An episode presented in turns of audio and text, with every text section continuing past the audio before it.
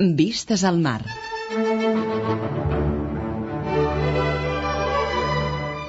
Vistes al mar. Una mirada als nostres músics.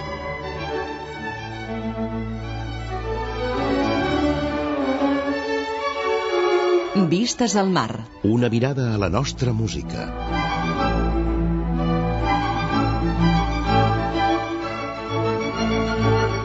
Vistes al mar. La música i els músics que han fet història al nostre país. Vistes al mar. Un programa realitzat i presentat per Xavier Xavarria. Bona nit i benvinguts a una nova edició de Vistes al Mar, el programa que Catalunya Música dedica a la música catalana, a la música i als músics que han fet història al nostre país, però també als protagonistes de la vida musical d'avui dia, els que la dinamitzen i treballen dia rere dia des d'àmbits molt diversos. Per començar, rebeu una cordial salutació dels que fem el programa d'avui, Alfred Marín, a les vies de so, i qui us parla, Xavier Xavarria. Avui farem un viatge en el temps per descobrir la vida musical a la Barcelona de la segona meitat del segle XIX. I ho farem a través d'un edifici, d'una institució, d'un teatre emblemàtic, un estandard de la música i de l'òpera des de fa més de 150 anys, el Gran Teatre del Liceu. Avui a Vistes al Mar repassarem la història, les vicissituds, les anècdotes i els grans moments, alguns d'ells crucials en la societat barcelonina, no només musicals, dels 50 primers anys del Gran Teatre del Liceu, un teatre que va transformar la vida musical i social de la Barcelona del segle XIX.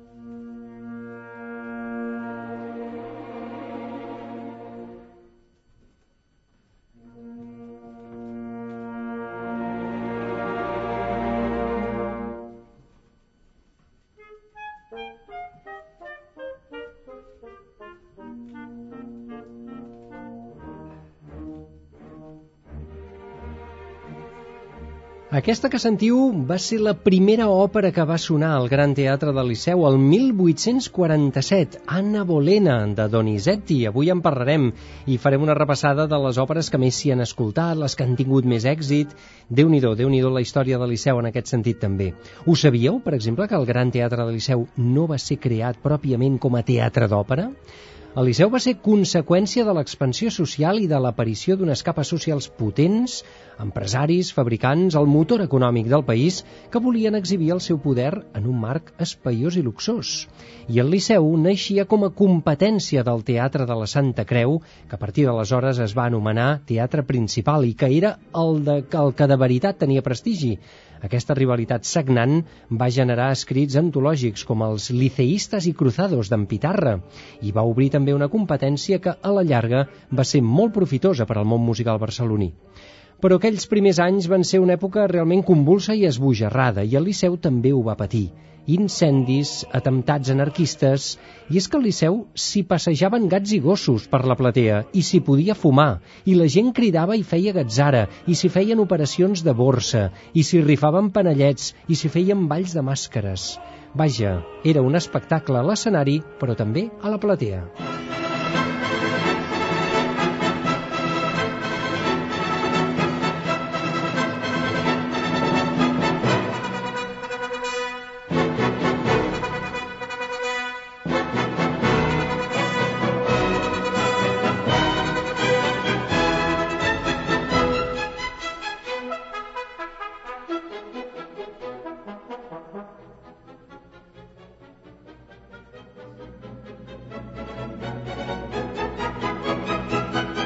Al Liceu, durant les primeres dècades, l'òpera hi tenia una presència relativament minsa. El que de veritat ocupava el teatre nit rere nit eren activitats tan diverses com ballets, teatre, concerts, cantates, pastorets, espectacles de tot tipus, però també hi actuaven agafeu-vos fort, mags, equilibristes, trapezistes, imitadors d'animals, gimnastes, trapezistes, malabaristes, niños campanòlogos, fins i tot, en ocasions devia semblar allò un circ s'hi van arribar a plegar més de 5.000 persones en un homenatge a un cantant i en una altra ocasió es van vendre només 13 entrades per la favorita, precisament. El Liceu era un teatre bulliciós, esbojarrat, multiusos, en diríem actualment, i sobretot viu, un teatre molt viu. Un teatre erigit en una ciutat petita, aleshores, provinciana, sense poder polític ni econòmic, amb una vida cultural precària. Com es va poder tirar endavant tot allò? Com es va poder garantir el funcionament del Liceu? Avui provarem de descobrir tots aquests aspectes de les primeres dècades del Gran Teatre del Liceu, un autèntic motor musical i cultural d'aquest país des de fa més de 150 anys, des de la seva inauguració el dia 4 d'abril de 1847. I ho farem amb la persona que probablement en sap més del Gran Teatre del Liceu. Un pou de ciència sobre el Teatre del Liceu, tota una institució del teatre, per la seva vinculació durant més de 30 anys i també per tot l'estudi i tota la recerca que n'ha fet en els últims anys i que s'ha convertit en un document, en un llibre de referència per als amants de l'òpera d'arreu del món. Avui és un plaer i un honor tenir amb nosaltres el senyor Jaume Tribó, Bona nit i benvingut, senyor Tribó. Hola, bona nit. Per començar, nosaltres l'hem volgut presentar, doncs, això, com un personatge important en la vida musical teatral del Teatre del Liceu. Però vostè pròpiament és l'apuntador del Liceu, oi que sí? Aquesta és la seva única feina en aquest teatre? A mi el teatre, al final de mes, em paguen perquè faci d'apuntador i és el que faig és la meva feina i n'estic molt cofoi i molt satisfet i vull dir, és, un, és, és la meva professió així de clar. Al marge de, de que jo, de si doncs jo cobri del Liceu, que en cobro, no me n'amago, doncs eh, he estat a mi l'edifici que jo estimen més. Ara dic edifici, sí, perquè la vida doncs estimem les persones i els amics, coneguts, les coses vives. Jo de les coses no vives, inanimades, la cosa que vaig estimar més, d'una forma morbosa i malaltissa, si se'n pot dir, és el segon liceu el que es va cremar. El segon liceu, aquest que es va cremar l'any 94. El que es va cremar el 31 de gener del 94. Això aquest, aquest, aquest, aquest, aquest. Sí, el primer no el vaig conèixer, no, perquè el primer es va cremar el 9 1861. De... Sí, 9 d'abril del 61, 1861. Jo encara no havia nascut, no. No. Però, però hi ha moltes Escolti, coses... i el tercer liceu, el que tenim actualment, que no se l'estima? Sí, que me l'estimo. Però si és tant, igual que l'anterior, no? Igual sí que no, no, no. No? Ai, Té ai, moltes ai, ai. Pot tenir virtuts, però igual no. S'hi assembla. S'hi assembla, mm. perquè això sí que és curiós. Jo amb un dels, que els arquitectes estava mirant, quan estava refet, em vaig posar a la platea a mirar coses i li vaig dir, des de la platea, mirant la sala, li vaig dir 46 coses diferents que jo veia. Així, Respecte al Liceu abans sí. de cremar-se. Eh? I reia molt, deia, no 46, 500. Dic, jo no ho sé quantes, però mirant així ho veig molt diferent. Sí, és diferent. És diferent, eh? encara que l'aparença pròpiament de la sala pròpiament sigui semblant, però no ho és ben bé, eh? vostè que se'l coneix no, pam pam. És, és molt diferent. Molt diferent. Bé, una altra cosa bàsica és que el teatre que es va cremar era tot de fusta i per això es va cremar en 25 minuts perquè era tot fusta, fusta de 1862, doncs era bastant resseca. I bona. I bona, i bona, això sí, i amb una acústica única casual, vull dir, si tenia bona acústica, no és que ningú hagués fet estudis de física, no, es va sonar bé de casualitat. Sempre es fan els teatres, es feien en forma de ferradura, mm. però... A la, a la italiana, podríem a la italiana, dir. Això que forma... n'hi ha gairebé 200 o 300 butaques que no es veu bé. Això també. Visibilitat... Però també hi havia el cas de teatres en forma de ferradura a Itàlia, n'hi ha hagut que, de mala acústica, que sonaven malament. Mm. Vull dir, el fet de fer... Aquest vam tenir la sort que sonava molt rebé. M'està dient que el Liceu actual potser no sona tan bé com el de abans de l'incendi? No dic que no soni bé, dic que ha de sonar diferent per força, perquè allò que es va cremar era tot de fusta i ara el que veiem és tot ciment. Ciment. Oh, esclar, és, no, vull dir, els edificis es fan tots de ciment, de dalt a baix, i amb ferro, suposo, oi? I també, doncs, és clar, vull dir, l'acústica ha de ser diferent per força.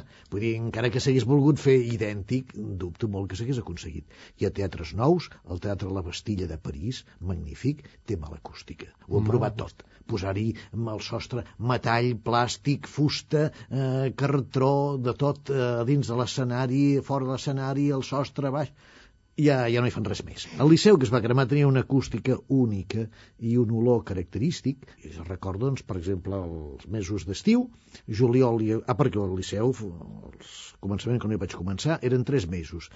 Novembre, desembre i gener. I prou. I fins l'any que ve. I, i hi havia una temporada de, de ballet a la primavera, a vegades hi havia temporada de quaresma amb concerts i prou.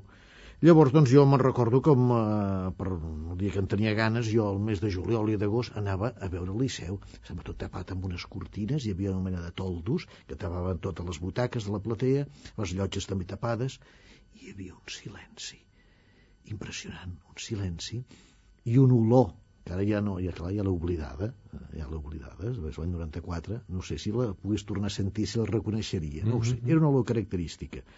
I això, doncs, és clar, va desaparèixer. Torno a dir, perquè de les, de les coses doncs, que podem estimar molt siguin persones, i després doncs, venen els objectes. Jo, l'objecte que més estimat a la vida, n'estic ben segur, va ser el segon liceu, sí. El segon liceu, que també és part del que avui ocuparà el nostre programa, aquest liceu del segle XIX pròpiament, els 50 primers anys. I per què? Ni més ni menys, perquè el senyor Jaume Tribó, el nostre convidat d'avui, és autor d'aquest llibre eh, espectacular, podríem dir, per les seves dimensions, pel seu aspecte, per la seva presència, més de 400 pàgines d'informació d'una gran categoria, d'una gran qualitat i, a més a més, eh, inèdita en molts casos, que són els anals del Gran Teatre del Liceu, 1847-1897, una, un llibre que es va acabar de fer l'any 2004, iniciativa dels Amics del Liceu, i que és el catàleg íntegre i complet de tots els espectacles que han passat pel Gran Teatre del Liceu des del dia de la seva inauguració, el 4 d'abril de 1847, fins la commemoració del primer cinquantenari que es va fer l'any 1897 amb les funcions, cinc funcions del Don Carlo de Verdi que sentíem ara fa uns instants.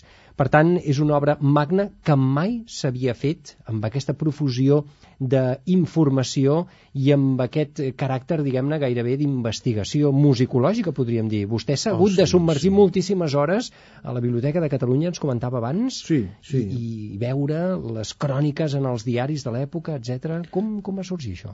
les fonts són diferents. Vull dir, eh, existeix un llibre d'or, entre cometes, manuscrit, que se suposa que recull eh, les representacions operístiques. Molt bé, un cop es té aquest llibre preciós, un se n'adona doncs, que està farcit d'errors. Eh, vull dir, els cognoms dels cantants italians, tothom era italià a aquella època, estan escrits cada vegada de forma diferent.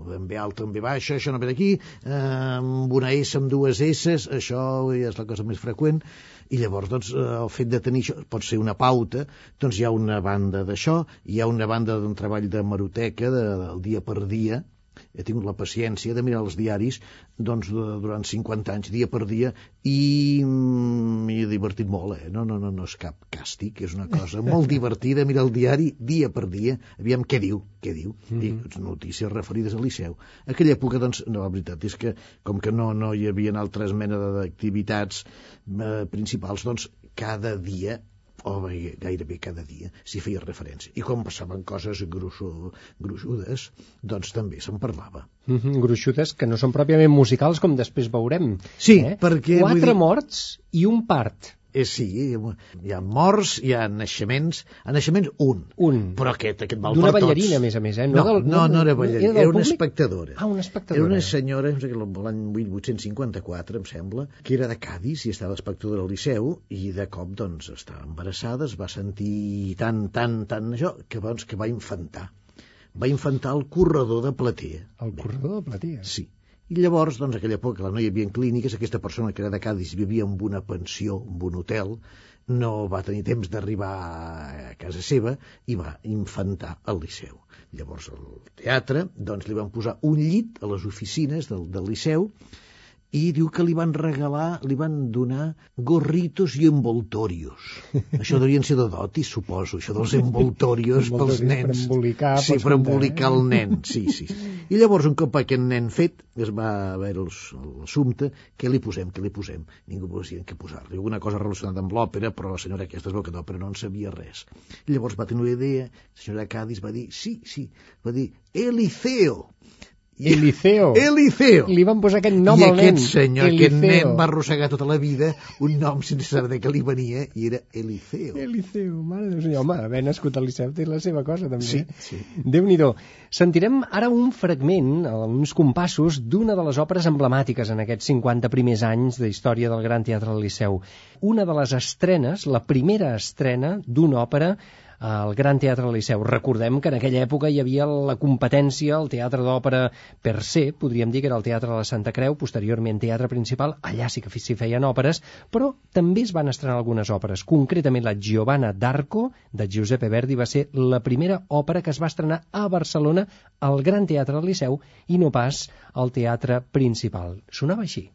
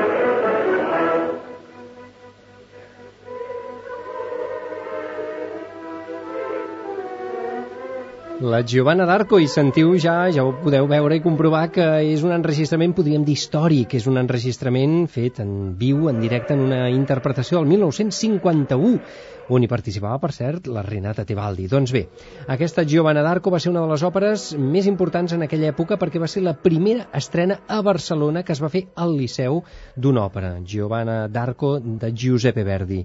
Senyor Tribó, vostè comenta en aquest llibre, en aquests annals del Gran Teatre del Liceu, que el teatre, pròpiament, el Liceu, no va ser creat com a teatre d'òpera, perquè s'hi feia de tot, sobretot els primers anys. És així, això?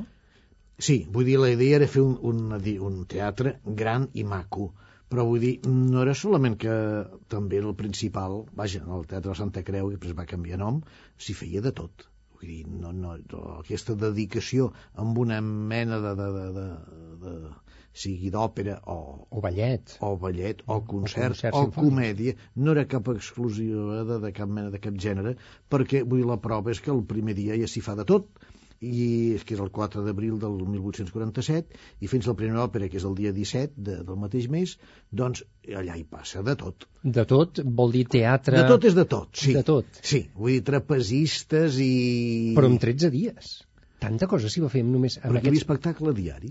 Diari. Diari, sí. Vostè sí. ha catalogat fins a 432 sí, la, tem actuacions la temporada en un teatral... sol any, el primer any. Sí, és a dir, el sí. rècord absolut en 160 anys, pràcticament, no? No sé, l'any següent també una cosa així.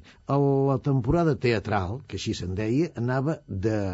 començava el diumenge de Pasqua, de Resurrecció perquè el, els teatres l'única època que tancaven era per Setmana Santa, i prou i alguns encara feien passions i coses d'aquestes, aprofitaven per anar fent passions. He de dir, doncs, que era tots els dies de l'any, quan són tots, són tots. Si alguna vegada es cancel·lava, hi ha, sempre hi ha hagut de tot, eh? que s'ha hagut de cancel·lar l'espectacle pel motiu que fos, un dia podia que no hi hagués espectacle, però si no, tots els dies de l'any, inclosos juliol, agost i setembre, fes calor, fes fred o que sigui, hi havia espectacle al Liceu.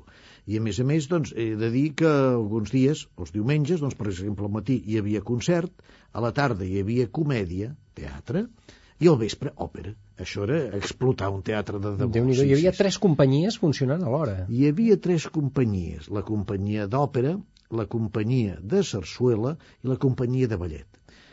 Aquestes tres companyies, per contracte, estaven obligades a coses molt curioses. Els d'òpera cantaven òpera i prou. Ara bé, els de la sarsuela deia que en cas de necessitat devien de cantar òpera i, els de ballet que ballaven, Sí? en cas de necessitat, havien de cantar. Aquests eren els més divertits. Els ballarins havien de saber cantar, havien també. de cantar la sarsuela i estaven obligats per contracte. Déu-n'hi-do, eh? Havien Si de els d'òpera que- només havien de cantar l'òpera. O sigui, que et podia tocar una funció de, de sarsuela on cantaven ballarins, de fet, gent que no eren... Això mateix. És a dir, el nivell interpretatiu d'aquells primers anys probablement era bastant baix. Era molt baix. Molt del, baix. Parlo del Liceu, concretament. Del Liceu, sí, I sí. la prova és que dos cantants molt importants del segle XIX, la soprano famosa Adelita, Adelina Patti, Patti. la famosa Adelina Mhm. Patti, o tenor Enrico Tamberlik, que era el més gran tenor de l'època, que va estrenar la Força del Destino a Sant Petersburg, doncs aquests dos cantants, que eren els més, els més famosos de l'època, no van cantar mai al Liceu. I sí que ho van fer al Teatre Principal eh, quan el Liceu ja estava construït, perquè el, el Liceu pagava poc i ens adonem que fins als anys 80, quan ja s'arriba a l'època de Gaiarre o d'Angelo Masini, doncs fins aleshores els repartiments, les companyies de cant, que se'n deia, eren de nivell bastant baix. Jo crec que el Liceu va tenir els anys magnífics cap a la dècada dels 8, 1880 i després al segle XX, la dècada del 10 al 20 va ser magnífica, molt, molt, molt, molt, i també doncs eh, als anys 50 i als anys eh, 80 al Liceu, la, al començament del Consorci, Sí.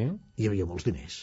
Uh Sí, I aleshores eh, es feien bones programacions, venien figures de primer sí, nivell... Sí, sí, sí, sí, sí. Però vull dir, els, els primers anys, concretament el, el primer Liceu, només va durar 14 anys. Uh -huh. Es va cremar el 1861. 1860 es va cremar el 9 d'abril de 1861.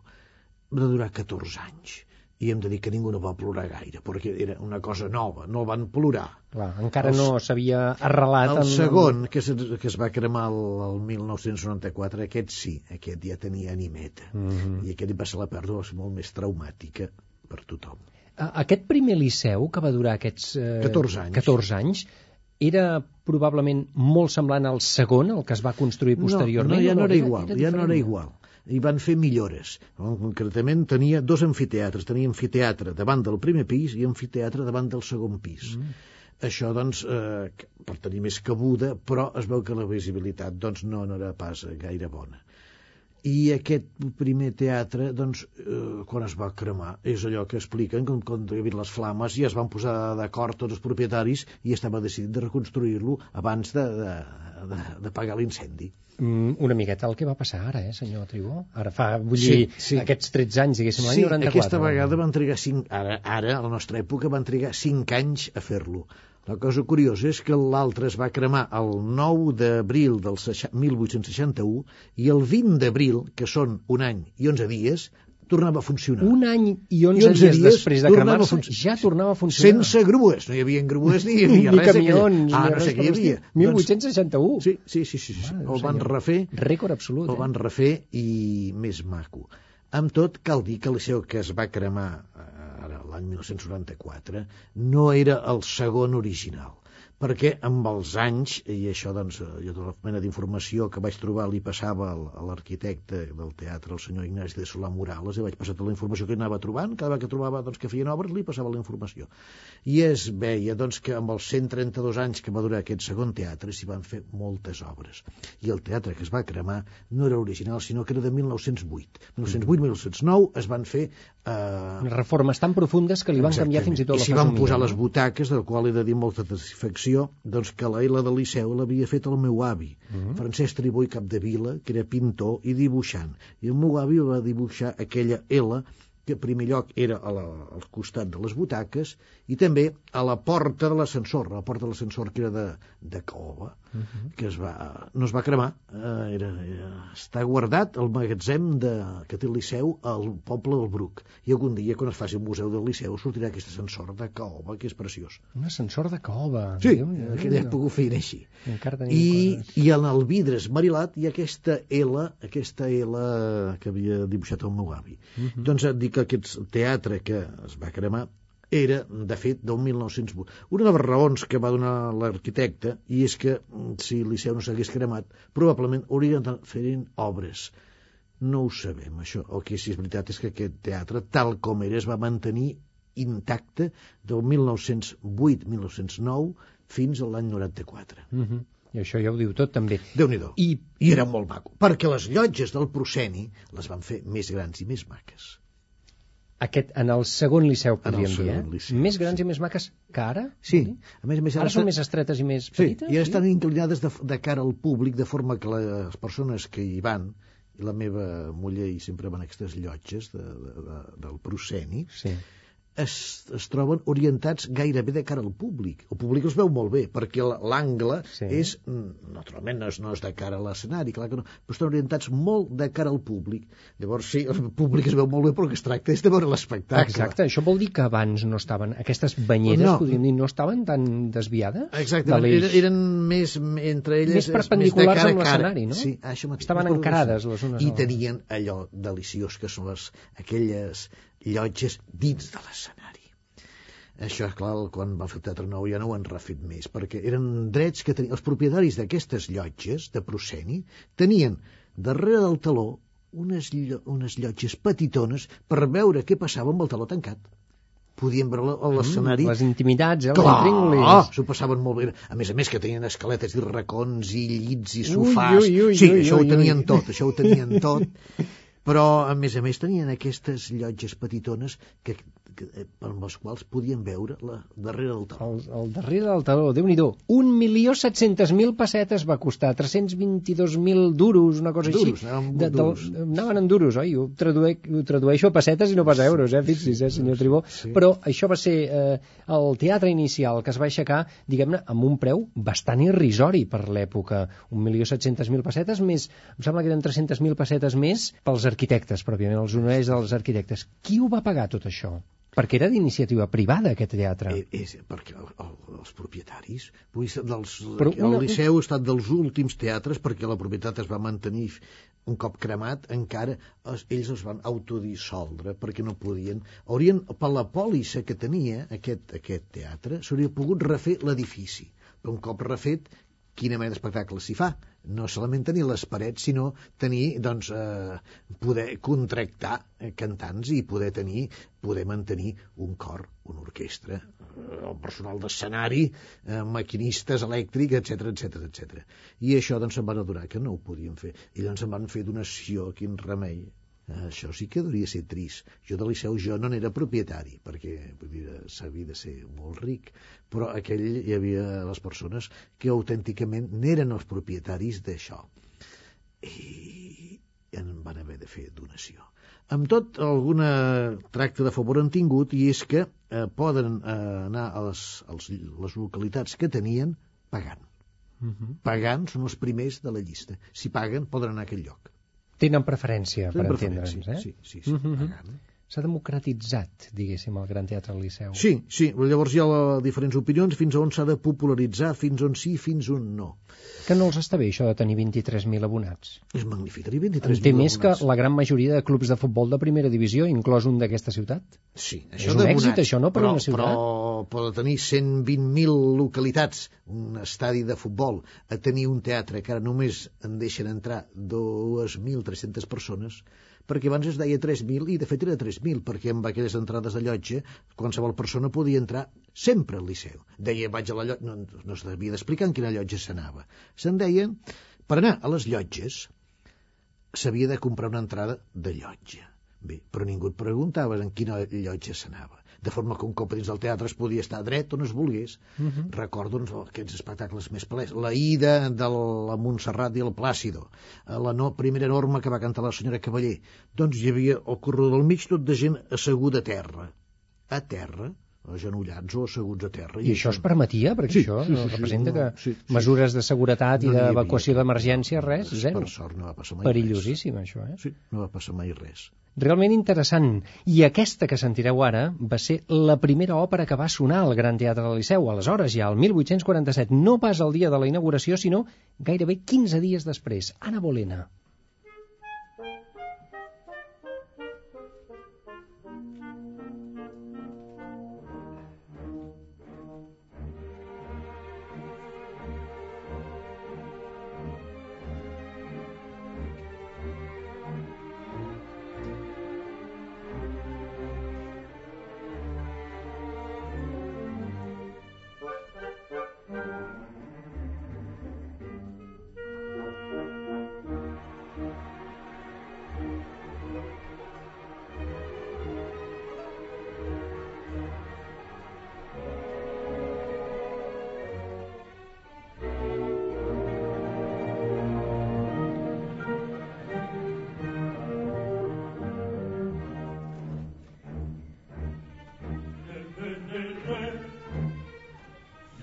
És un fragment de l'Anna Bolena, aquesta òpera de Gaetano Donizetti, que va ser la primera òpera que va sonar al Gran Teatre del Liceu el 17 d'abril de 1847, és a dir, 13 dies després d'inaugurar-se. Senyor Tribó, com és que l'espectacle inaugural no es va fer òpera? Què s'hi va fer exactament el primer dia, el 4 d'abril? Primera cosa, això demostra que les òperes no eren pas l'espectacle més, més eh, valorat, sinó que a l'hora d'inaugurar un teatre van fer un programa mixt, com era tan freqüent de fer. Van començar amb una sinfonia del Gomis. Aquest Gomis, Josep Malció Gomis. Jo estic molt content perquè que aquella època ja tenien sentit de països catalans, perquè el, compositor català Gomis era nascut a un tinyent al País Valencià. Jo celebro que em, di- me li diguessin que era català. molt bé. Doncs començava així. Van fer aquesta sinfonia del Gomis per començar no he pogut esbrinar quina sinfonia, amb quina tonalitat era, almenys alguna cosa. No, una sinfonia. Després, l'obra principal era un drama que era Don Fernando el de Antequera. Don Fernando el de Antequera era una obra d'un literat de l'època, Ventura de la Vega. Aquest senyor Ventura de la Vega eh, va anunciar que havia escrit aquest, eh, aquest Don Fernando el de Antequera per inauguració del teatre. Bé, he descobert que el mateix dia, 17 d'abril de 1847, el senyor Ventura la Vega presentava a Madrid Don Fernando el d'Antequera al Teatre del Príncipe de Madrid. Duria pensar, no se sabria mai d'això. Això és com Rossini, que feia la mateixa obertura per Venècia i per Nàpols. D'això no se sabrà mai. Després resulta que era la mateixa Jo obertura. crec que s'acaba sabent. Algun dia o altre surt Pla autoplagi. Eh? Autoplagi. Sí, sí. Doncs el senyor Ventura la Vega ens va encolomar aquest drama tan diva. És com el Tenorio, eh? Ben bé és una mena No, de però el Tenorio. Tenorio va ser exitós i es va representar Cada any es feia. centenars de vegades, sí, oi? Sí, Fins sí, a- sí. Jo he descobert fent eh, les anàlisis que, per exemple, la passió, la passió, els pastorets, són més representats que no pas... Doncs, el- Pastorcillos. Eren castellans. En castellà es feia. Això no eh? ho he pogut arribar, perquè si es podia fer per uh, setma, per la, sem, no, per, per, per, Per quaresma, Nadal, sí, per quaresma, per quaresma, la passió en català, Sí. i en canvi los pastorcillos eren pastorcillos. Potser perquè diu que havia tenido de l'obispado de Madrid. Jo no ho devia venir amb els pastorcillos fent els pastorcillos. Mhm. Però en canvi la passió sí que era en català. Deia, el primer dia aquest hi havia aquesta sinfonia d'en Gomis, aquest drama de don Juan, don Fernando el d'Antequera, després una obra que en diu Rondenya, és un ballet, deuria ser de tipus goiesc, d'aquest eh, Josep Jur, que era el primer clarinet de l'orquestra. A més a més, el primer clarinet feia música, feia ballarugues, fan aquesta, i per acabar, una cantata. Una cantata que es diu Il Reggio Imene, en italià, l'autor era en Cortada, Antoni Cortada, però, vull dir, la versió en italià es feia tot en italià. Uh -huh. I el, el compositor és el mestre Marià Ubiols, que era director del conservatori, del carrer de, de la, del conservatori del Liceu, i primer director. Referent a això de director, a l'època, 1847, el fet de dirigir l'orquestra als espectacles no era una cosa considerada. La prova és que el mestre Maria Ubiols feia els assaigs amb els cantants però a l'hora de- d'això de, dirigir, que és tan maco, Sí, que molt- sembla que fa tan batuta, maco, oi? el poder de la batuta i Sí. sentir-se davant de l'orquestra del públic, no, això ho deixava doncs amb un altre músic. Ho feia un altre Ho músic. feia un altre músic, que no era el mestre Ubiols. I fins al 1850 i tants, els espectacles no els dirigia el mestre Ubiols, en un cert moment sí, perquè es veu que això era poc, poc considerat, la gràcia que ens fa avui dia. També he de dir que el mestre estava a la col·locació enganxat al coberol de l'apuntador i tenia l'orquestra al clatell. Per tant, no anava a entrar... Sí, sí. L'orquestra al clatell. Clar, darrere d'ell, perquè el mestre estava enganxat al davant de tot a l'apuntador. I, I com el veia l'orquestra? Perquè l'orquestra ja estava... el veien d'esquena, al- ell, en ell, aquest veiem, el, fossat? el, miraven d'esquena, clar, el, el, tenia El veien d'esquena. Tenia orquestra al És a dir, darrere, ell pròpiament a qui dirigia els cantants. O... Ah, sobretot, sobretot, sí. I l'orquestra la tenia al La tenia al darrere, això mateix, tenia l'orquestra al darrere. I llavors, quan cert moment que ve el mestre, un gran Franco Faccio, que és dels grans directors del segle XIX, aquest senyor es va posar a les, al lloc habitual, on avui dia veiem el director d'orquestra, amb els músics de cara ell. I els músics es van molestar molt perquè com que eren de cara a l'escenari ho veien tot. I quan els van trobar d'esquena a l'escenari no els va agradar gens. Déu-n'hi-do, rebel·lió, rebel·lió. Aquest va ser l'espectacle que es va Això fer mateix. I l'última obra doncs, era aquesta cantata Il Reggio Imene, Uh -huh. que... Encurtada. Eh, sí, amb Compositor català, però en text italià, eh? Se va cantar en italià, sí, sí, sí, i amb música del mestre Maria Obiols. Jo espero l'any 2047, quan el Liceu farà 200 anys, de refer el programa inaugural. Mm -hmm. Sí. Refer el programa inaugural. Esclar, Estaria bé. almenys, es almenys el fer. 4 d'abril del 2047 doncs s'ha de refer un programa del primer dia. Déu-n'hi-do. I les instruccions d'aquells primers dies també s'haurien de, de refer allò de no està permitido traer los perros ni tan solo atados. O... No, eh, vull dir, el dia abans, hi ha al diari de Barcelona, hi ha una sèrie de... de Recomanacions o no? Instruccions. Instruccions, instruccions eh, de l'alcalde accidental, no sé per què era accidental, potser l'altre s'havia anat de viatge, no ho sé. I llavors diu unes coses tan peregrines. Vull dir, una cosa diu que no se puede entrar con niños de pecho. Bé, vol dir que, ah, perquè les coses que es prohibeixen és perquè es feien. També diu que Clar. està prohibido tararear aquelles melodies que han sido memoritzades. I aquesta me la sé, la, la, la... No, si ho prohibien és que ho feien. Clar, si ho, mentre cantava un cantant i tu te la saps, diu, jo també la canto. Sí, també de prohibido llevar el compàs con los abanicos. Es veu que plumba! Anaven, no sé, llevar con los... no sé com ho feia. I una cosa més divertida, diu, prohibida la entrada de perros ni siquiera acompañados de sus dueños.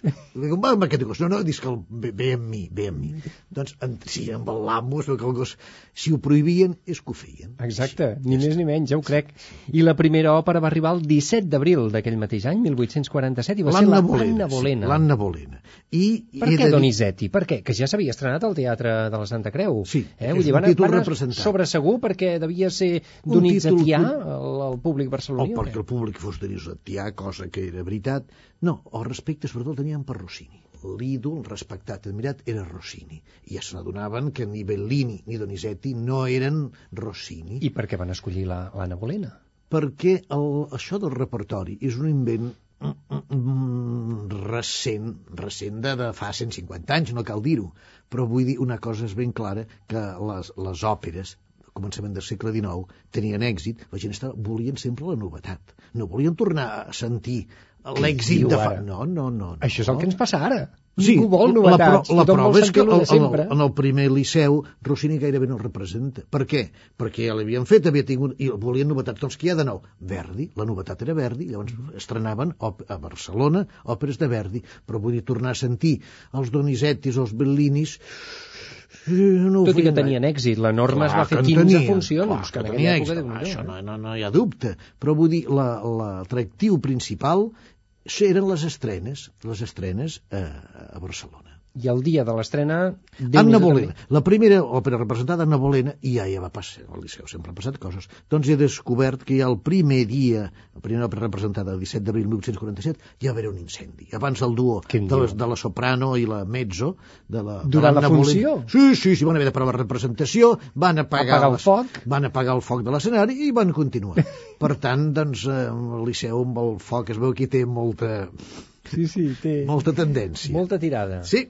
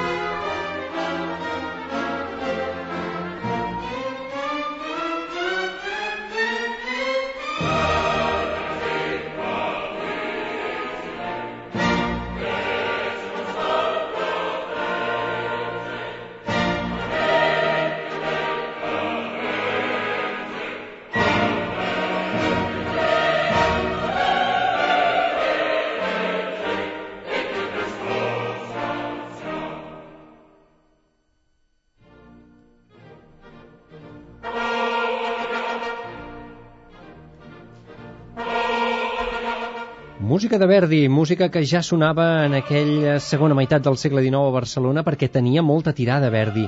Tot i que pel públic se'n van fer moltes de funcions, es van eh, escoltar en aquells anys, en aquells primers anys, fixeu-vos, la Giovanna d'Arco l'any 47, Macbeth l'any següent, el Rigoletto se'n van fer 25 funcions al 1853. Estrena al Liceu, L'estrena sí. al Liceu. A Del- el Trovatore sí, sí. també estrena a Barcelona el 1854, la Traviata l'any següent al 55, les Vespres Sicilianes en una versió en francès, si no recordo malament, el 1856. No, però aquí es cantava en italià. I En Vespri siciliani. I Vespri Eh, i Siciliani. en italià, sí. I Un balo in màscara també el 1861. El públic eh, la rebia bé, la- l'òpera de Verdi, però els crítics es veu que no tant. El Eh? públic el rebia bé, no hi ha dubte, perquè avui a mi em va, em va confondre llegir la crítica de l'estrena al Rigoletto. Aviam què, què, què deurien dir. Molt d'interès vaig... Doncs, aviam, la crítica de l'estrena al Liceu. Doncs el crític doncs, eh, diu que no, no interessa gens, vull dir, del, del Rigoletto no ho sé, però jo tenia per aquí, em sembla, si la trobo, Uns la crítica de la, de la Traviata. De la Traviata, la- parlant de Verdi, sí, no? De parlant la de Verdi, inspiració sí, de Verdi. Sí, sí, sí, doncs, doncs parlant de Verdi, per exemple, de la Traviata, doncs me dona una crítica l'any 1855, quan s'estrena la Traviata a Barcelona, al Liceu, a Barcelona, i diu Poco inspirado estuvo, la verdad, el maestro Verdi en la composición de la Traviata. Hay en la composición poca originalidad. I es va quedar tan feliç, eh, aquest senyor. Ja està. No sé, Quin no- visionari, eh, aquest home. Sí, tenia... És d'aquells crítics... Visió de futur, sí. Val la pena, sí, no sé sí, si sí. dir la pena dir el nom o ensenyar-lo als crítics actuals, allò de anem amb compte... evidentment el, el públic ten, estava, els interessaven les novetats que això en molt temps ha anat canviant perquè ja a començament del segle XX vull dir, quan s'estrenaven els Puccinis la gent encara volien sentir el Rigoletto eh? sí, això és una corba una corba de popularitat molt curiosa que algú segur que ho ha estudiat Vull dir, i llavors, doncs, torno a dir, el, el, el públic eh, desitjava les novetats, i les novetats eren Verdi amb òperes, no cal dir-ho, magnífiques. Ara els crítics, doncs, vull dir, contra el Verdi, eh, deien, i la seva raó devien tenir, per exemple, el Nabucco, que una tessitura, com la part de la soprano del Nabucco, que això havia de fer mal a la veu. I sí, clar que tenien raó. Si venien del Rossini, sentir la part de la soprano del Nabucco, evidentment, doncs que... Ah, i que l'orquestració excessivament sorollosa que tapava els cantants. També deurien tenir raó. Per tant, és una cosa que seria aplicable actualment també, que han de fer un sobreesforç potser el, ca- els cantants a l'hora de cantar Verdi, eh? perquè l'orquestració és... No és la mateixa orquestració musculosa, eh? de Rossini i de, de Bellini, que és el més pobre de tots, orquestralment, Bellini, eh, que la de Verdi, clar. Doncs avui parlem amb el senyor Jaume Tribó del Gran Teatre del Liceu i totes aquestes anècdotes, curiositats, com per exemple tot aquesta, aquest hàbit que hi havia en aquells primers anys de fer intervencions, actuacions d'allò més rocambolesc i surrealista en els entreactes de les òperes. Què s'hi arribava a fer en aquella època? Sí, era l'assumpte del canvi de decoració. Uh, avui dia, al Liceu Van Ring, uh, se sap que la pausa ha de durar mm, 25 minuts i dura 25 minuts. Aleshores no era així. Vull dir, la, els canvis anaven condicionats a- al, al, al temps que es trigaven de treure una decoració i posar-ne una altra. Per tant, entremig, doncs, cada dia la pausa podia ser diferent. Què s'hi feia? Doncs el que, quantes coses mm, increïbles. S'hi feia, doncs, eh, Espectacles d'equilibristes. d'equilibrista, Si de permet, dislocació. Permeti'm que, que el Sí. citi directament a vostè el, Sí. en el llibre, a la pàgina 18 d'aquest llibre, en aquest, Sí. diu, diu eh, que vostè ho considera vergonyós, eh? Actuacions Ah, ho dic, vergonyoses, eh? sí, diu, vergonyoses, diu, sí. el, els entreactes del Barbero de Sevilla, actuacions del nord-americà John Lees i els seus fills en extraordinarios ejercicios icarios i equilibrios sorprendentes. Icarios que deurien Icarios. volar. Volar oi? o amunt i avall, deurien no? volar. L'any sí, sí. 1857, Sí, sí. Monsieur Lambert i la senyora Lola Cabanyes, sonàmbula de primer orden, Hi havia ordres, es veu. en experimentos de magnetismo i de magia antigua. Això Això, a l'entreacte. Després del 1848, l'acròbat anglès, el Mr. Engler, tocava el violí mentre feia salts mortals sin perder ni una nota. Això és la cosa millor, sin perdre ni una nota, que faci el que vulguis. Però no perdia ni una nota. Sí, sí, sí, sí, sí. Y después, la señorita Martínez que baila sobre un tonel dando vueltas, o, atenció, del célebre bailarín de una pierna sola y gran tocador de pandereta, don Manuel Donato. Don Manuel Si feia Donat, tot això als entreactes. bailarín d'una sola pierna, això, això ha de ser interessantíssim. Com I tocar la pandereta. I tocar la pandereta. Això feien, però vull dir, és que el Liceu devia ser tan divertit. I després a mi el que em divertia és aquell imitador d'animals. Sí. El Monsieur Lebó, aquest, diu que doncs que feia tots els animals, no sé... Que, que El gruñido del lechón, el relincho del caballo, tinc aquí, el canto El del gruñido del perro. Sí, sí. Canto del Bé, perro. Si feia el grunyó del lechón vol dir que feia el porc. Aquest senyor devia anar amb un frac, els posava a l'escenari i feia el porc. I l'aplaudia. I doncs diu que la cosa va anar molt bé perquè va haver d'avisar el canari i el rossinyol. Això ho diu la, la crítica, a més a més. Sí, que va ser un èxit, va ser un sí, sí. èxit. Sí, perquè un crític consigni eh, com a informació eh, substanciosa que aquest senyor va haver de fer el vis al canari de també que li va sortir. Sí, canari, sí, sí. eh? Això, doncs, era el Liceu. I Era- llavors, era doncs, la gent... circ, això, gairebé. Clar, vull dir, alguns s'escandalitzen, jo també m'escandalitzo, o no m'escandalitzo, és igual la meva opinió, no compta per res, si alguns cantants iaiers o flamencs o el que sigui van a... Oi, mira, Jaume, que... Doncs, escolti, s'hi ha fet de molt pitjor que la senyora...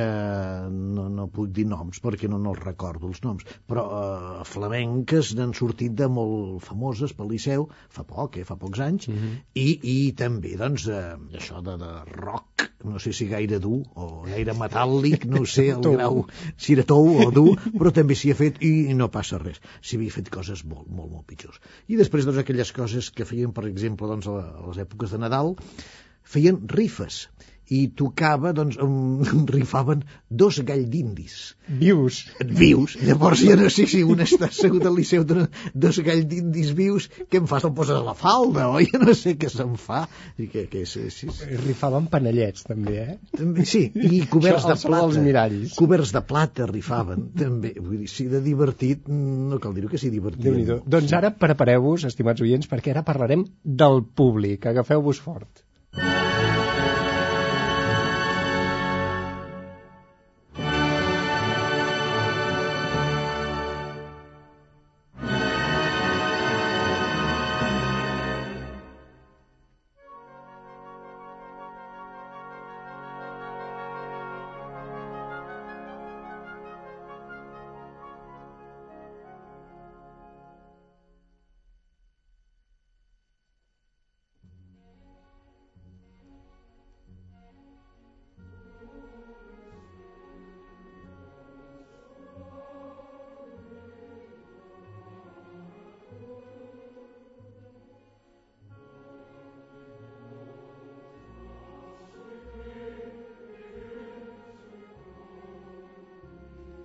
Al Gran Teatre del Liceu ja ho veieu que doncs, s'hi feia de tot en aquella època, en aquests primers anys, les cinc primeres dècades del segle XIX, en aquest cas, la segona meitat del segle XIX, que està consignada, recordem, en aquell llibre que va escriure Jaume Tribó, Annals del Gran Teatre del Liceu. I és un llibre que en acabat eh, parlarem d'on es pot trobar perquè es veu que la distribució no és del tot òptima. En acabat en parlarem, en acabar el programa. Ara, però, toca parlar del públic. Que déu nhi senyor Tribó, eh? Cridòria, moviment, xerrameca, entraven i sortien quan els donava la gana. Tothom entrava en el moment de l'àrea del a més a més. Quin era el perfil del públic del Gran Teatre del Liceu en aquells primers anys? Eren els nou rics. Nou rics. Eren els nous rics. Burgesia la, bur- la, burge, la burgesia que anava, que anava pujant. Sí, Gent de peles, per això, eh? Sí, sí, perquè el tant sigui per part del públic la, la noblesa igualida que algun en va quedar a Catalunya ben aigualida perquè eh, vull dir, a partir de tothom se'n va cap a Madrid a, Felip de, a partir de Felip V els que volen, volen voler viure bé se'n van anar cap a Madrid Clar.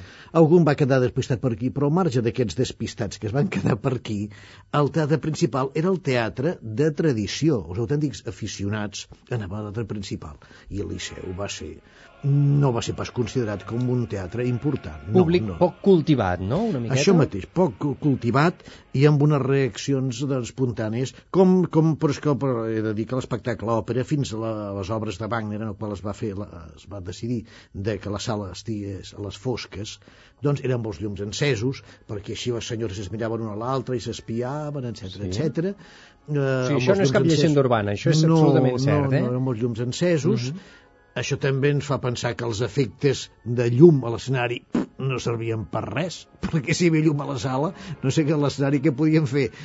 Vull dir, els efectes... Ben poca de, cosa. Poc, ben poca cosa podien fer, i després, doncs, la gent entrava i sortien constantment. Aquest, aquest. Durant la funció. Durant la funció, Eh? sí. sí. I el moment més... Eh, quan el divo atacava l'àrea, llavors és quan volia entrar tothom. I de cop i volta es veia allà un remolí de gent entrant el, a les noies. la, una, la borsa de Barcelona que la, que la van instal·lar al corredor de la platea i llavors doncs, mentre feien les òperes o el que sigui se sentien els crits de, de la borsa que anaven venent i comprant accions Mare de Déu, això durant les funcions. I a Sí. més a més sembla ser, vostè comenta en el llibre que la gent portaven bastons i que picaven per protestar i que deien ben bé el que els semblava i tot plegat. Això és cert? Hi havia cridòria durant la, la funció? el públic era sí, jo crec que és més però vull dir, el, cada vegada el públic és més ensupit El comportament era gruller fins i tot en aquella època. Sí, potser. sí, el comportament era gruller perquè hi va haver dos o tres casos ja extrem de, que durant una sarsuela uns van començar, uns que eren borratxos, no sé, van uns mariners anglesos, em sembla, que van començar a cantar i aplaudir i no hi havia forma de fer-los callar, així de clar, sí, sí, sí. O també, quan hi havia una sarsuela, un, una tornada molt divertida que el públic cantava. Es posava a cantar. Es posava a cantar i no, afegia, i no també, es eh? podien fer callar. Sí, Mhm. sí, I, sí. I es veu que el públic també llançava de tot a l'escenari, llançaven coses. Sí, pedres, alguna pedra els hi va... Pedres? Pedres, pedres, que això és pitjor, sí, perquè llencin un tomàquet rai o una pastanaga. Però pedres, pedres poden fer mal, sí, sí, sí, sí. sí, sí. Això li consta que s'havia arribat a fer, perquè, Sí, clar, pedres, pedres, sí, perillosíssims. sí, sí, sí. També comenta en aquest llibre que doncs, es podia fumar i que Però llavors s'omplia que no, clar. clar, s'omplia de fum, ves, im- imagina, no? El Liceu, doncs, i que hi havia animals passejant-se per la platea. Estava ple de gats, al Liceu, i queien gossos, fins i tot vostè aquí eh, té anotades algunes anècdotes, queien gossos des dels pisos que es passejaven per la platea, s'espantaven, es posaven a Queien, bordar. queien. Jo n'he localitzat dos, que em sembla moltíssim, eh? No és que fos cada dia que anessin rejant a baix. No, el fet que jo hagi descobert que hagin caigut dos gossos ja és prou singular. Ja, ja. Perquè això no ho havia sentit dir mai, ni per tradició oral, mai això no ho havia sentit parlar. I vaig descobrir, doncs, doncs eh, fent els annals, doncs aquests dos casos. Un gos, un perrito, un dia un enorme perrasso, que era gran, que va caure des del quart pis. Després una vegada un gos petit, que també cauen i moren de la caiguda, perquè cauen des del quart pis. Doncs, llavors la pregunta nostra, què hi feia un gos al quart pis? Doncs hi eren, vull dir, hi dormien i eren sempre. I quan la gent entrava, doncs surt, però corrien per allà. I llavors, ja, quan cauen aquests gossos, hi ha una investigació per part de l'Ajuntament. La nostra investigació ens hem d'imaginar que era què hi feien els gossos allà. No, això no s'ho qüestionava ningú, això era normal que hi fossin. Van, la investigació va ser perquè s'hi havia hagut intencionalitat criminal, que algú hagués tirat el gos d'alta baix. Diu que no, es devia ser l'emoció que fent el Guillem Tell, l'acte segon del Guillem Tell, que també veiem que no òpera problemàtica al Liceu, crec. que va ser amb el, la bomba de, de, Del 1893. el 93, de, del 7 de novembre, eh, doncs que no va haver-hi cap intenció, el gos, diguem que va caure sol de l'emoció de sentir Guillem Tell. Sí, sí, realment és pintoresc perquè també es feien moltes serate d'honore, això les funcions a beneficio, que en algun cas s'havia fet una funció a beneficio per, per aconseguir la dot per una, una senyora que es volia fer monja. Això, eh? sí, això és molt divertit, sí, perquè era una, una funció en la qual no consta enlloc. Eh, hem d'entendre que l'activitat artística, musical, fins fa quatre dies ha estat molt poc considerada, eh? però podem dir Els músics cobraven poc en aquella època i els cantants, potser? poquís. Els cantants bons cobraven, però si no eren els més grans, poquíssim. Així de clar. I tan poc era el que cobraven que a final de temporada feien una, bona, una funció de benefici de l'orquestra, un altre dia del ballet, un altre dia dels coristes, un altre dia a favor dels apuntadors, a favor de qui sigui, perquè se les passaven ben magres tothom. I llavors, doncs, sempre és a benefici de... Quan hi ha un benefici del divo, el divo generós ho dona a la casa de caritat perquè també a funció dels superdívols i feien, la gent donaven diners, però el divo no s'ho quedava, ho donava a la casa de caritat. Els pobres de l'orquestra, del cor, o dels acomodadors, o de les oficines, aquests sí que havien, perquè, vull dir, els, eren, eren els sous eren minsos, mm, molt migrats. Doncs en aquest cas, d'aquest era un trobador de l'any 1866, i no consta enlloc a benefici d'aquí. Diu que és a benefici, o bé. Doncs era, que descobrint que el producte de la funció va organitzar una comissió de senyores i era destinat a, a, a formar el dot d'una noia per fer-se monja. I llavors, el diari La Corona, que és un diari que va durar poc temps, deia «Para algo es útil el teatro.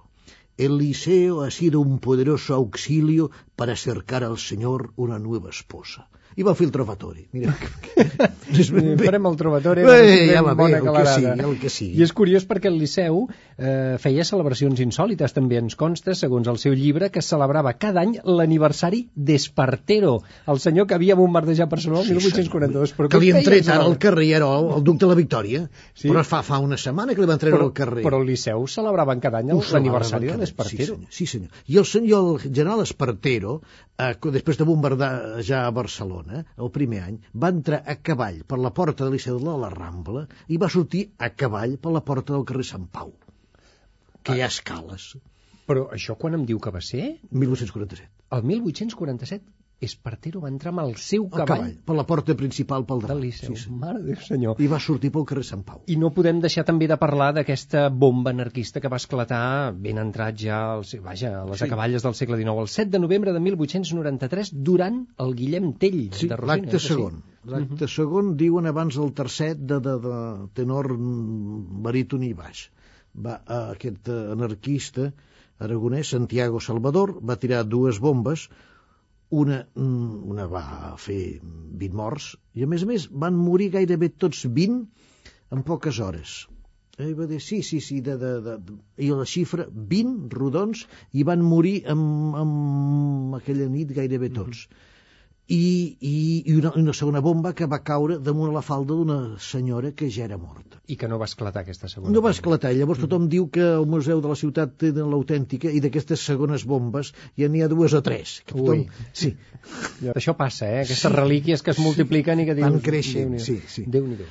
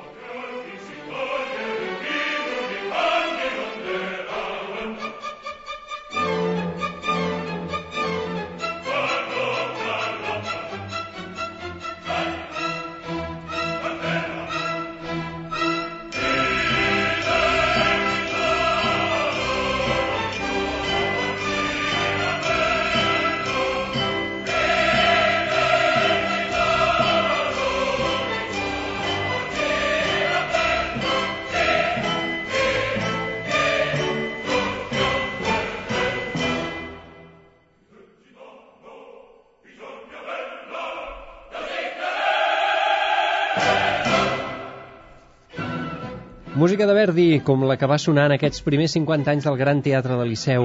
I tota aquesta informació, tots aquests espectacles i totes aquestes anècdotes que hem estat explicant en el programa d'avui amb el senyor Jaume Tribó, estan recollides en aquest llibre. Li voldríem preguntar, senyor Tribó, a veure, això es pot trobar a les botigues? aquest llibre es ven... Annals del Gran Teatre del Sí, Liceu. sí. Eh? A la, botiga, a la botiga que hi ha sota el Liceu, la botiga que hi ha sota la platea, uh Mhm. -huh. que s'hi pot entrar per la Rambla i s'hi pot entrar pel carrer Sant Pau, sí, es ven aquest llibre dels annals del Liceu, sí, sí, sí. sí. Altres llibreries ja és més complicat de trobar No, és eh? que crec que només es ven en aquest lloc. Uh -huh. Jo el que sí he de dir és que tinc ja el segon volum a punt, que espero que el- me'l publiquin, me l'editin, perquè, vull dir, aquest segon volum, i hi ha qui me'l me demanen. Un... És a dir, vostè ja té escrit i ja té fet tot el Dins l'ordinador, sí, sí, sí, sí, 50 anys més, Sí, fins sí, al sí. 1947? Sí, em falten els últims anys, però això doncs ja, ja ho afegiré. Em va donar molta feina la Guerra Civil. La Guerra Civil era autènticament difícil perquè... Va dir, canviar de nom el Teatre del Liceu, oi? Sí, Ho va ser nacio- nacionalitzat i la van posar Teatre Nacional de Catalunya. I després era molt curiós que mentre l'òpera a Barcelona. Es feia el Teatre Tívoli, que va cantar molt el Lázaro, en la Guerra Civil, el Lázaro va cantar molta òpera al Teatre Tívoli, en canvi al Liceu, jo no sé si per humiliar-lo, no vull dir aquesta paraula, però si feia sarsuela, cada dia, cada dia, cada dia. En lloc de fer-hi òpera, sarsuela. Cada dia. I la prova és que el, el Franco eh, van entrar, perquè Barcelona s'entrava per Sants, no hi havia la Diagonal, van entrar per Sants, l'entrada de Barcelona. Les tropes del Franco entren a Barcelona el 26 de gener de 1939 i el dia 24, dos dies abans, encara s'hi representava la, la revoltosa al Liceu dos dies abans. Déu-n'hi-do, déu nhi déu són aquestes qüestions curioses de saber, ja ho crec, i ens hem deixat moltíssimes coses que ens hauria vingut molt de gust de, de parlar-ne, com aquesta, aquestes 13 entrades de la favorita, pobret, quin, quin desastre, oi? Només es van vendre 13 entrades, però en canvi en aquest homenatge a Giacomo Roppa, oi? Sí, sí. Gairebé 6.000 persones. Sí, que és feia... el doble de la gent que hi cabia al Gran Teatre Liceu. I entrava tothom que volia. Déu-n'hi-do. Sí, sí, Déu sí. Les òperes eren totes cantades en italià. Vull dir, fins l'any 1920 l'idioma únic del Liceu, fossin òperes franceses o Wagner, o franceses, Carmen, Faust, Manons, fos el que fos, l'idioma únic de Liceu era l'italià. Fins i tot de Wagner, eh? En les òperes sí, de Wagner. Sí, sí, perquè, perquè la mateixa companyia, la mateixa soprano dramàtica que feia Ida i Joconda, cantava la Isolda o la Brunilda. Doncs l'idioma únic era uh, l'italià també els autors catalans, quan el Pedrell estrena els Pirineus i Pirenei en, en italià, quan el Pedrell i el Joan Manent fan les seves òperes i el Morera les estrenaven en italià perquè, perquè els cantants que tenien eren italians i anava així i s'havien de traduir. En aquests anys va ser quan el Liceu gairebé elimina, després d'aquesta competència ferotge, el teatre principal, que desapareix com a teatre d'òpera, perquè es crema, bàsicament. Sí, el 1915 es va... Uh, un incendi el va destruir, destruir del tot i després va acabar sent cinema porno, perquè en cinema és més digne aquest bueno, no. Això al cap de 80 anys, pot ser, no? No sí, principis sí, del sí, segle XX. Sí. I al final es va quedar el Gran Teatre del Liceu com el referent operístic en aquesta ciutat i en aquest país també. Doncs ja veieu que dona molt de sí i avui hem tingut un pou de saviesa avui al programa Vistes al Mar parlant d'aquesta història, aquests primers 50 anys d'història del Gran Teatre del Liceu en ple segle XIX, que també ha estat un bon retrat de la societat, culturalment també parlant de la societat barcelonina d'aquells anys. Senyor Jaume Tribó, moltíssimes gràcies per haver estat amb nosaltres i per tota aquesta informació i sobretot felicitats, enhorabona per aquest treball ingent, extraordinari, colossal, podríem dir, d'aquest llibre i del que ja té a punt de... de I dels de que vindran. I dels que vindran, perquè, sí. sí, el 2047 el Liceu farà eh, 200, 200 anys, anys i, i jo, vostè haurà fet el del segon... Jo tindré 102 anys. 102. 102 anys, però vull dir, no dic cap eh, bestiesa. El meu pare ha mort fa un mes i tenia 102 anys, estava molt bé. I si el meu pare ha arribat als 102 anys, la, ja que la, els geriatres cada vegada han de treballar més, la geriatria té més feina, doncs jo crec que viuré 102 anys i faré el quart volum. Doncs nosaltres ens en alegrem moltíssim d'això i li desitgem molta sort amb tota aquesta feinada que té i amb la feina que vostè fa des del coberol de l'escenari del Gran Teatre del Liceu allà el tenim sempre. Senyor Jaume Tribú, moltíssimes gràcies per haver estat aquí. Molta gràcies sort. a vosaltres. Amics, marxem. En aquesta edició hem estat amb vosaltres, Alfred Marín, a les vies de Soi, qui us parla, Xavier Xavarria. Això és Vistes al Mar, tots els divendres al vespre a Catalunya Música. Us tornem a esperar la setmana que ve en una nova edició d'aquest programa Vistes al Mar dedicat a la música i als músics catalans. Vistes al Mar.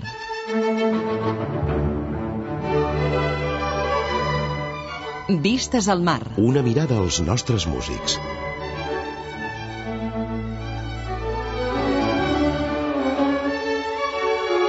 Vistes al mar. Una mirada a la nostra música.